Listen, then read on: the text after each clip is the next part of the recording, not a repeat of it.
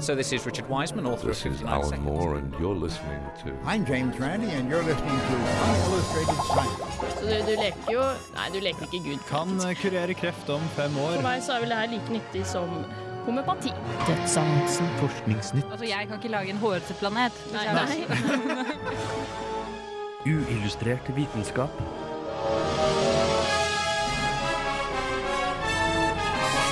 Science, it works, bitches. Mye av dagens sending er viet til kattedyr, av en eller annen merkelig grunn kalt Jeanette. I samme sending tar vi for oss skapelsene og prosjektene innenfor syntetisk biologi, inkludert et ferskt intervju med seniorforsker Trygve Brautaseth. Har du planer om å skape din egen onde bakterie og slippe den løs på verden? Da bør du lytte til dagens sending av Uillustrert vitenskap på radio Revolt.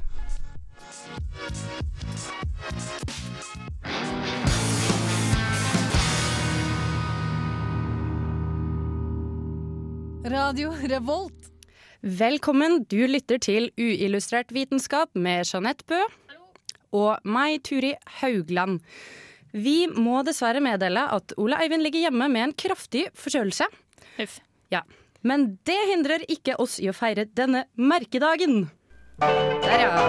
Der, takk. Mye bedre. Ja, for jeg håper alle la merke til den splitter nye åpningen til eh, programmet. Den er produsert av Jeanette og meg. Fantastiske greier. For Ja. nå er det også nemlig 50 Ikke 50 år, 50 podkasts jubileum. Sendingen vår, ja. Ja. Ja, det er riktig. Eh, det skal sies at eh, vi to har ikke vært med i alle sendingene. Nei. Ole Eivind tror jeg har vært med i ganske mange. Mesteparten, kanskje.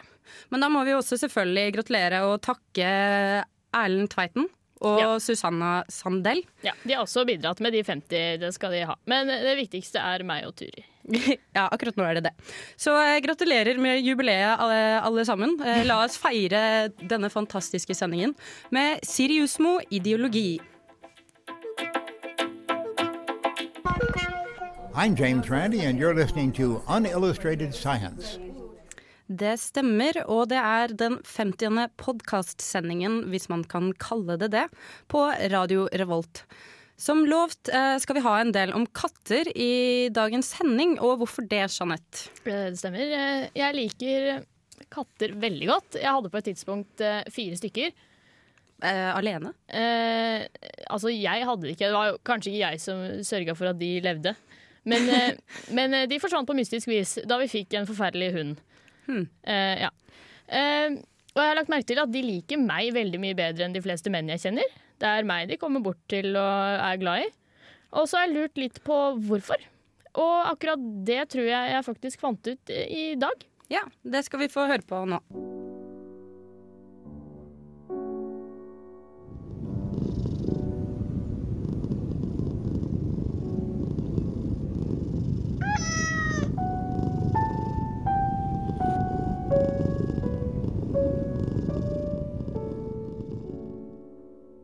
Er du et kattemenneske? Det er jeg. Og hvis du er en dame, vil du kanskje bli glad for å høre at de fleste katter liker damer best. Båndet mellom en katt og dens eier viser seg å være mye mer interessant enn først trodd. Spesielt er katten ekstra glad i kvinner og deres omsorg for katten. Mange tror kanskje at katten er glad i mennesker kun for å få mat, men ifølge et nytt studie stemmer ikke det her. Studiet er det første som viser i detalj at dynamikken i et forhold mellom katt og menneske er nesten identisk til forholdet mennesker imellom. Noen ganger kan katten også bli et pelskledd barn i hjemmet. I studiet som ble ledet av Kurt Kotscha ved Universitetet i Wien, filmet og analyserte forskere interaksjonen mellom 41 katter og deres eiere. I tillegg observerte de også kattens og menneskets personlighet. Forskerne plasserte en ugleleke med store glassøyne på gulvet, slik at katten ville møte på den med overraskelse. Forskerne fastslo at katten og eieren påvirket hverandre slik at de ofte kontrollerte den andres oppførsel. Utadvendte kvinner med unge katter viste den største synkroniseringen. Det er som kjent ikke bare damer som liker katter, og omvendt. Men studiet viser at kvinner har en større tendens til å interagere med katter, uansett kjønn, enn det menn gjør. Medforfatter av studiet, Manuela Wedel, sier at dette gjør at kattene oppsøker kvinnelige eiere og tar initiativ til kontakt, som å hoppe i fanget, oftere enn de gjør med menn. Kattene ser også ut til å huske vennlighet, og betaler med glede tilbake ved en senere anledning. Det finnes eksempler på forhold mellom en ikke-menneskelig art og andre arter, som f.eks. hos gorillaer. Men disse forholdene er sterkest hos mennesker. Et menneske og en katt kan gjensidig utvikle komplekse ritualiserte interaksjoner som viser en gjensidig forståelse for hverandres tilbøyeligheter og preferanser. Og nettopp katten kan dermed være menneskets, eller i hvert fall kvinnens, beste venn. Du hører på Radio Revolt, studentradioen i Trondheim.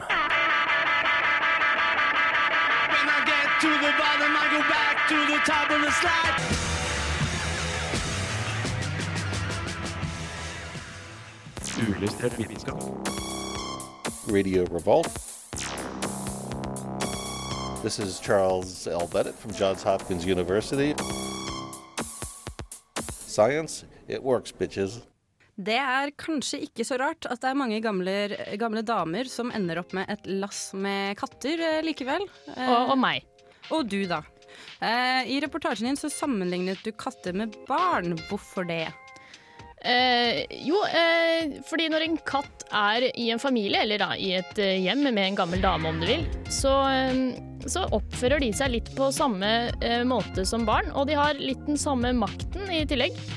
Det er sånn, de, de kan bestemme selv når de skal spise og når de skal bli klødd, i- klødd i nakken. Akkurat så, ja, Du klør kanskje ikke barn i nakken, som men, men akkurat som barn. Sånn som hvis, eh, hvis du setter fram eh, middagen til katten, så kan hun plutselig slå seg vrang, lukte litt på maten og gå og leke med gardinen i stedet.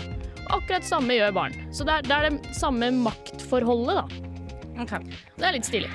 Eh, jeg tror faktisk jeg har opplevd akkurat det. Det var en eh, veldig bortskjemt katt, og så skulle jeg være med de på hyttetur, og den katten hadde en fast plass ved bordet i familien. Så da jeg kom og satte meg på den plassen, så ble den egentlig Oi, ved bordet?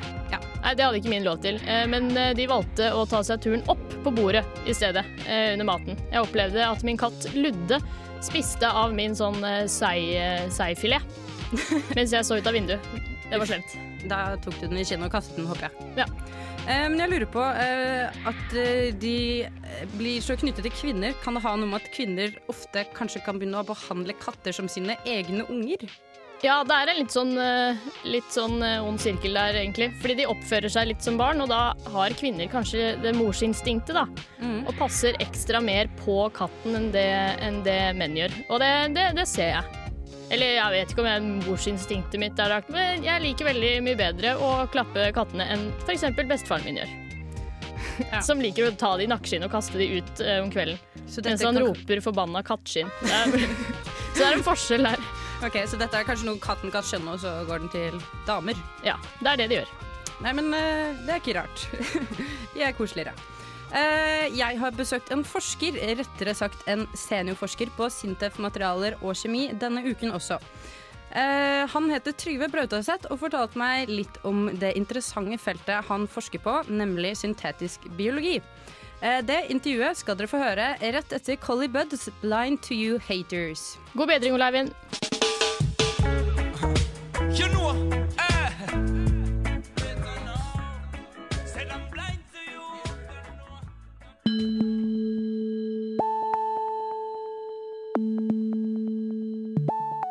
I 2010 skapte Craig Venter vellykket verdens første syntetiske bakterie, Synthia.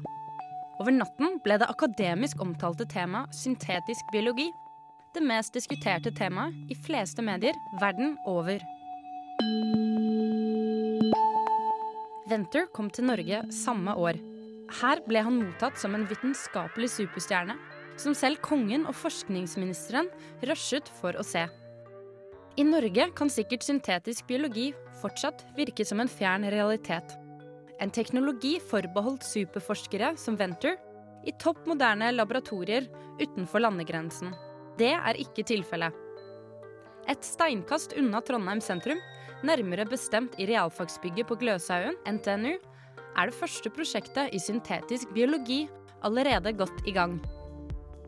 Her sitter seniorforsker Trygve Brautaseth ved Sintef materialer og kjemi og leder det europeiske samarbeidsprosjektet. Brautaseth forklarte meg hva syntetisk biologi gikk ut på, og hva Venture hadde gjort. Syntetisk biologi handler om å lage ting som er kunstig. Og du kommer på det med genteknologi. Det har vi jo gjort lenge. Og jeg bruker å si at syntetisk biologi er ikke noe fundamentalt nytt. Det er et, ett skritt videre innenfor genteknologien.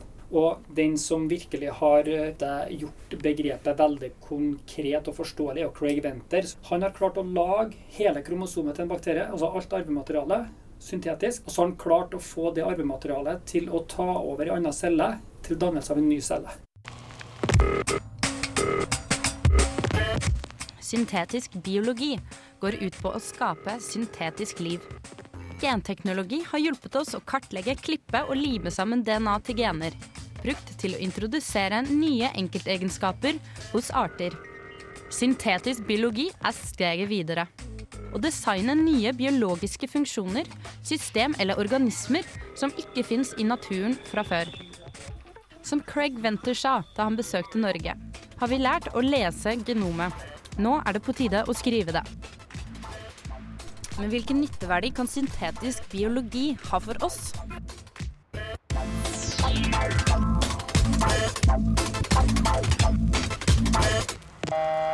Og anvendelsene her er da innen medisin, eh, det kan være miljø, eh, overvåking osv. Og, så og industriell bioteknologi, hvor du bruker mikroorganismer til å produsere nyttige forbindelser. I dag brukes mikroorganismer i veldig stor grad til produksjon av alle mulige typer forbindelser. Ta f.eks. antibiotika. I dag finnes det nesten 1000 forskjellige antibiotika på markedet. Alle de er naturlige forbindelser. Fins i naturen, og det er stort sett mikroorganismer som lager dem. Um, så for at man skal produsere dem industrielt, så må man bruke genteknologi til å gjøre organismen til en bedre produsent.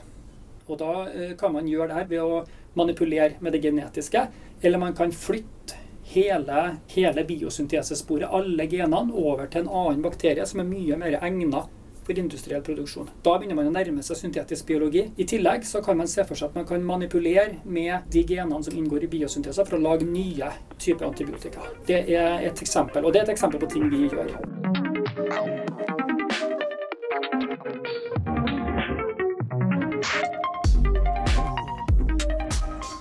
Prosjektet Trygva Brautaseth jobber på, er et samarbeidsprosjekt for å tilpasse bakterier til industrielt bruk. Prosjektet er utlyst av The European Science Foundation. Sammen med forskergrupper fra fem andre land ønsker de å produsere bakterier som kan brukes i lysinproduksjon, en forbindelse som brukes i dyrefôr. Bakteriene skal spise metanol i stedet for sukker. Hvorfor vil du ha det til å spise met eh, metanol? De kan jo spise metanol, de som vi jobber med. de kan gjøre det. Grunnen til det, det er at uh, i en del typer bioprosesser de foregår i veldig stor skala, og det er et press på sukker som råmateriale. Sukker som, og det er jo samme problematikken som du i hvert fall har innenfor biofuel nå, ikke sant? At du bruker mat til å produsere noe annet. Så du får en konkurranseforhold. Metanol det er i hvert fall i Norge et overskuddsmateriale som, brukes, uh, som lages i store, store kvanta og brukes som eh, råmateriale som i liten grad utnyttes. Og så finnes det en del bakterier i naturen som kan spise metanol, men problemet er at de bakteriene kan ha en rekke andre egenskaper som er gunstig for å bruke dem innen bioteknologi. Det går på mulighet til å jobbe rekombinant dem, mulighet til å kultivere dem, mulighet til å få dem å dyrkes i høye celletettheter osv. Det vi prøver å gjøre i prosjektet her, det er basert på en forståelse av hva som skal til for at en bakterie kan bruke metanol som karbon- og energikilde, kan vi overføre egenskapen til nye, mer egna mikroorganismer ved bruk av syntetisk biologi. Og da får du sånn modulering av egenskaper.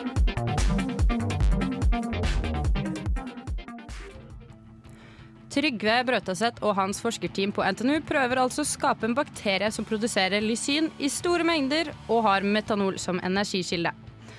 Så er det jo selvfølgelig alltid det etiske aspektet ved å skape nye livsformer, og det stilte jeg selvfølgelig også Brøtaseth spørsmål om. Og det svaret skal du få høre etter uh, 'Summer of All Dead Souls' av 'And You Will Know Us By The Trail of Dead'.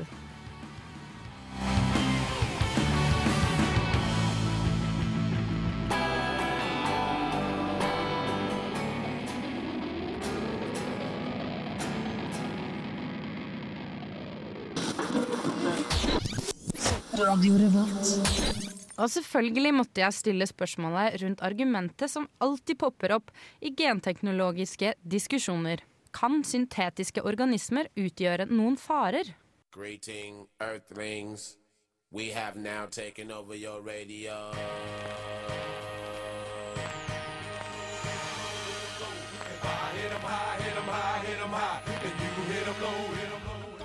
Det der er jo et spørsmål hele tida. Og jeg mener at man må si ja, det, jeg mener at man må tenke sånn Ja, det kan de. Sånn må man tenke. Og så må man tenke at potensielt så kan de det. Derfor så må alt vi lager, destrueres eller lagres forsvarlig i en minus 80 graders fryser. For det er jo der vi har tingene. Det, det, det er liksom befesta i norske lov hvordan du jobber med rekombinante organismer. Og det vil jeg påstå ikke har fått noen nye utfordringer gjennom syntetisk biologi. På laboratoriet jobber du etter forskriftene, dvs. Si at du jobber i laboratoriet, tar dem ikke med ut av laboratoriet. Og alt skal enten fryses ned eller destrueres.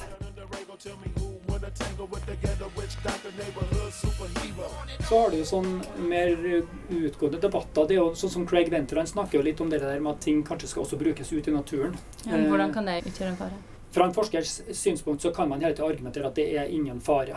Eh, For, fordi, eh, kan man si, er Et typisk argument at man lager bakterier som er så avhengig av bestemte betingelser at de har ingen mulighet til å overleve i naturen. Det vil si at man har mange mangler. Se for deg en, eh, Du fjerner en del gener som gjør at den er helt avhengig av tilførsel av diverse næringskomponenter for å overleve, som en ikke vil finne andre steder. Det er et eksempel på hvordan man kan ha det. Men så vil andre si at ja, men når det er store antall, så kan de mutere, og, de kan, og virus kan infektere dem, og de kan endre seg genetisk, og så plutselig så slipper de unna.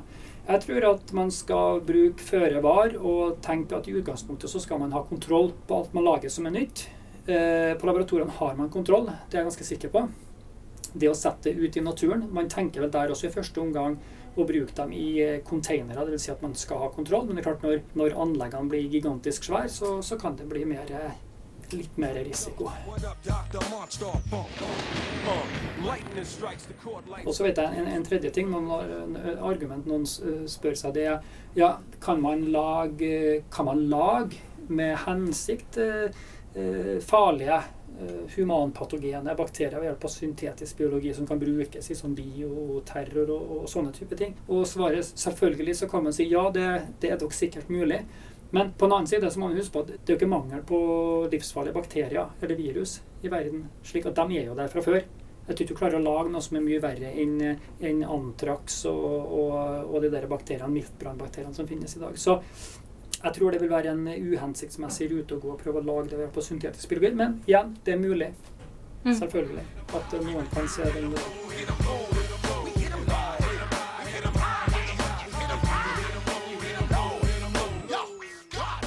Men hvis det er, er en teknologi som blir mer og mer tilgjengelig for allmennheten, blir det ikke vanskeligere å kontrollere da? Jo, men jeg tror den blir mer og mer tilgjengelig for allmennheten. Jeg tror at, eh, jeg tror at du, du Men altså, det, Gud og hvermann kan jo ikke gjøre det her. Det kreves masse utstyr og, og, og, og kompetanse for å kunne gjøre syntetisk biologi. Det man selvfølgelig kan tenke, det er rundt omkring i verden så kan det være forskjellige motiver, og laboratorier som styrer og steller med sine ting. Det er helt klart. Det kan det være. Og, og topp folk med dårlige hensikter som har fått spillerom til å lage sånne ting, det kan man ikke se bort fra.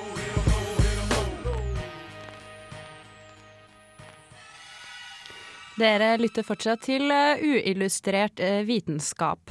Og dere hørte akkurat intervjuet med Trygve Brautaseth fra Sintef eh, materialer og kjemi. Eh, en del av intervjuet som jeg dessverre ikke fikk tatt med, var delen hvor eh, Brautaseth sa hva som var hans ultimate bakterie.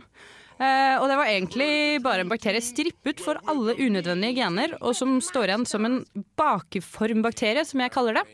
Eh, poenget med det er at eh, du får en standardbakterie som du bare kan putte gener i, og som da får akkurat de egenskapene, og ikke noe annet. Det er veldig kjekt. Veldig kjekt. Det kan sammenlignes litt med en kassettspiller som tar alle kassettene, eller genene.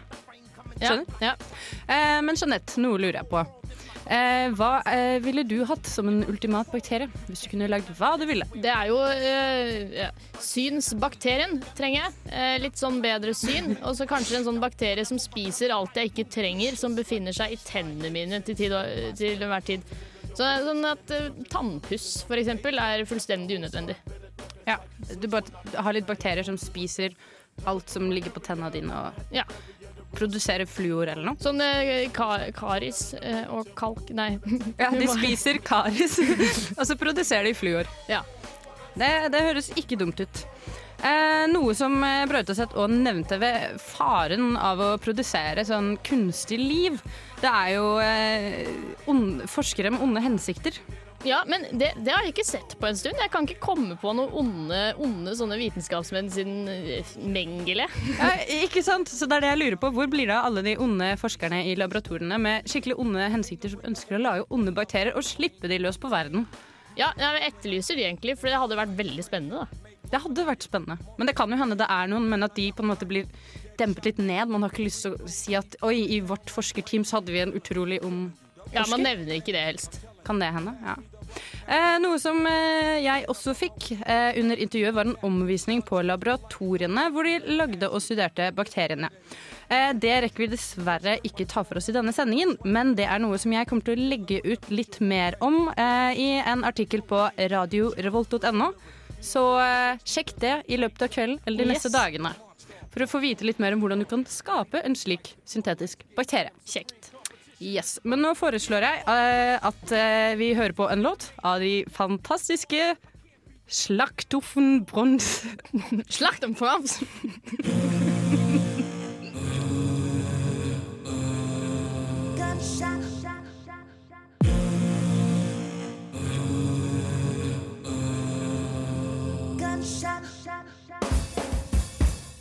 Hi. Uh, right, so the compression and expansion of the longitudinal waves cause the erratic oscillation, you can see it there, of the neighboring particles.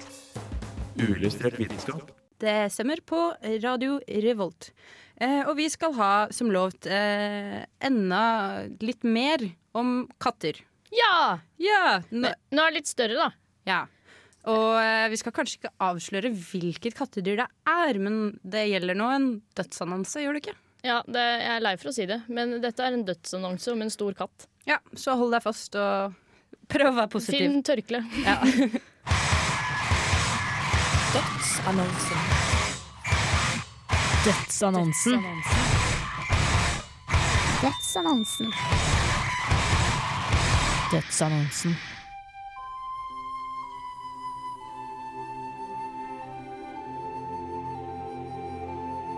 Seks amerikanske dyrevernsorganisasjoner sendte på tirsdag inn en underskriftskampanje for å få lista den afrikanske løven på listen over beskyttede arter i den amerikanske Endangered Species Act.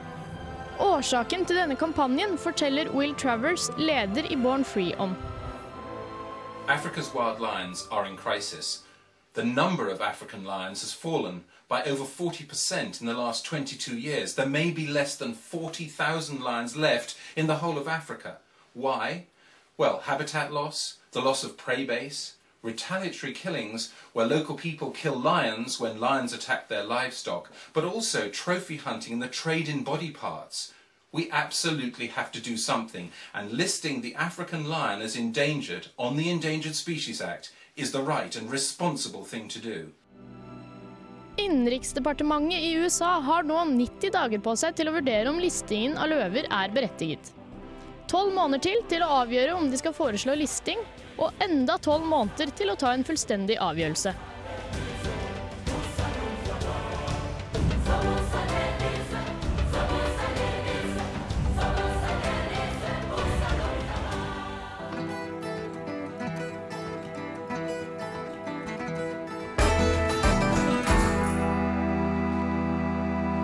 Der hørte dere Evolution av The Real Ones fra deres nye plate som heter First Night On Earth. Eh, ja, Jeanette. Eh, dødsannonse. 40% løver utryddet de siste 22 årene. Ja, og det Er eh, det er rett og slett mange amerikanere som står bak der. Fordi de, de liker å dra ned til Afrika med geværet sitt og skyte løver. Også sånne store, flotte løver med masse sånn hår. Jeg vet ikke hva det heter. Eh, Hannløver? Ja. Og så, og så da tar de og setter seg ned og smiler sammen med kona eh, og tar bilde av seg selv som sitter oppå det løveliket. Det er forferdelig. Men hva er det de gjør med Tar de med løvehodene og stopper de ut, eller bare skyter de de og tar bilder av Ja, seg nei, selv de med vil, ha, de vil ha det som pledd og sånn, da. Det syns jeg er fint. Eh, og så syns jeg ikke Discovery Channel har eh, hjulpet veldig mye til med å, med å, med å ikke gi folk sånn forakt for uh, sånne rovdyr. Fordi her om dagen så så jeg en sånn uh, dokumentar, og der viste de en stakkars flodhestbaby som hadde blitt, fått en skade i foten. Og så var det krokodille på den ene siden og løveflokk på den andre. Og vi, da vet jeg hvordan det skal gå. De kan, de kan bare ta neste scene. Jeg vet hva som skjer nå, og så naturen gikk sin gang, kan man skrive. eller noe sånt. Men nei, de legger på Schindlers listemusikk idet løven vinner og tar og spiser, dreper og spiser lille flodhestbabyen, som er det søteste jeg har sett. Jeg gråt. Å, jeg gråt. Uff, så det, det førte ikke til noe mer sympati for løven? Nei, så jeg syns egentlig sånne, sånne dokumentarer egentlig kan, egentlig kan gjøre litt mer, mer sånn eh, Å ja, der døde flodhestbabyen. Og det er bra, fordi løven trenger mat. Det er få løver. Flott. Ja, Og det hørtes mer smart ut. Neste scene. Det hadde vært fint. Men så de prøver å liste løven som utrydningstruet art? Ja, eh, men som du hørte, så er jo det en veldig lang prosess. Eh, nå har de vel eh, to år og tre måneder på seg til å bestemme seg for om de skal eh, gjøre den utrydningstruet eller ikke. Oi. Så det, det er jo en litt treg prosess. Så er det nok kanskje 5% løver til som er utryddet. Ja. Vi får jo se, se hvordan det går, da. Men det er ikke bare død og elendighet, eh, egentlig. For de har en gladnyhet angående den tasmanske djevelen jeg snakka om for et par sendinger siden. Ja. Og nå har de begynt å se på DNA-et til døde dyr. eh, Som eh, kan vise at lignende arter har bodd andre steder. Sånn at det kanskje kan være mulighet for å, å reintrodusere en sånn tasmansk djevel et annet sted. Men Vil det si å gjenopplive en helt ny type tasmansk djevel? Eller Nei, nei, nei. kombinere det? Nei, du kan plassere det et annet sted. De ser på DNA-et til, til eh, tidligere utrydningstrua dyr og ser hvordan de har takla ting som klima og sykdommer og sånn. Så nå ser de litt mer på den genetiske eh, problemstillingen, da. Sånn at eh, de, de skal ikke bare prøve å bure djevelen inne. og, og oppdra de i fangenskap, men de, kan, de skal kanskje prøve å omplassere de, rett og slett. Ja, og, og tilføre litt gener så det blir litt større Ja, litt mer, genetisk mangfold, rett ja. og slett. Ja. Så det ikke utvikler seg noen kreftsvulster. Forferdelig sykdom, det der. Og dette kommer av innavl, eh, sa du, har du sagt. Ja, de har ikke så veldig Det, eller det smitter med, ved kontakt med munn, og de, og de biter hverandre da de har seg, så det, det, det sprer seg veldig fort. Ja, Det er ikke noe hyggelig Nei. å være syk. Eh, en annen person som er syk, er Ole Eivind. Og vi har selvfølgelig en eh, låt som vi dedikerer til deg, Ole Eivind. Her er den, vær så god. God bedring.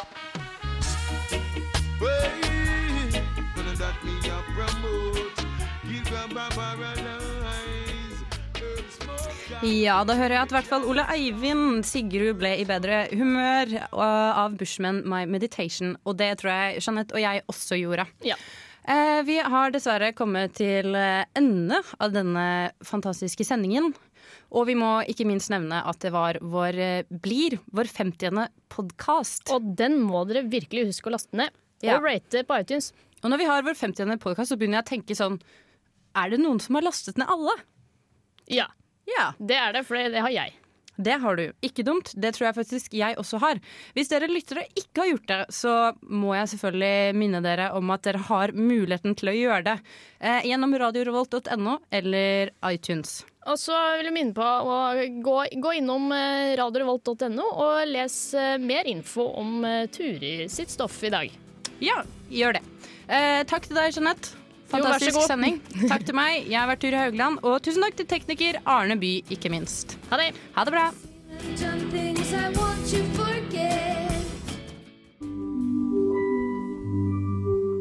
Uillustrert vitenskap er Midt-Norges eneste teknologimagasin på lokalradio. Og vi snakker om alt fra populærvitenskap til sære forskningsprosjekt ved NTNU.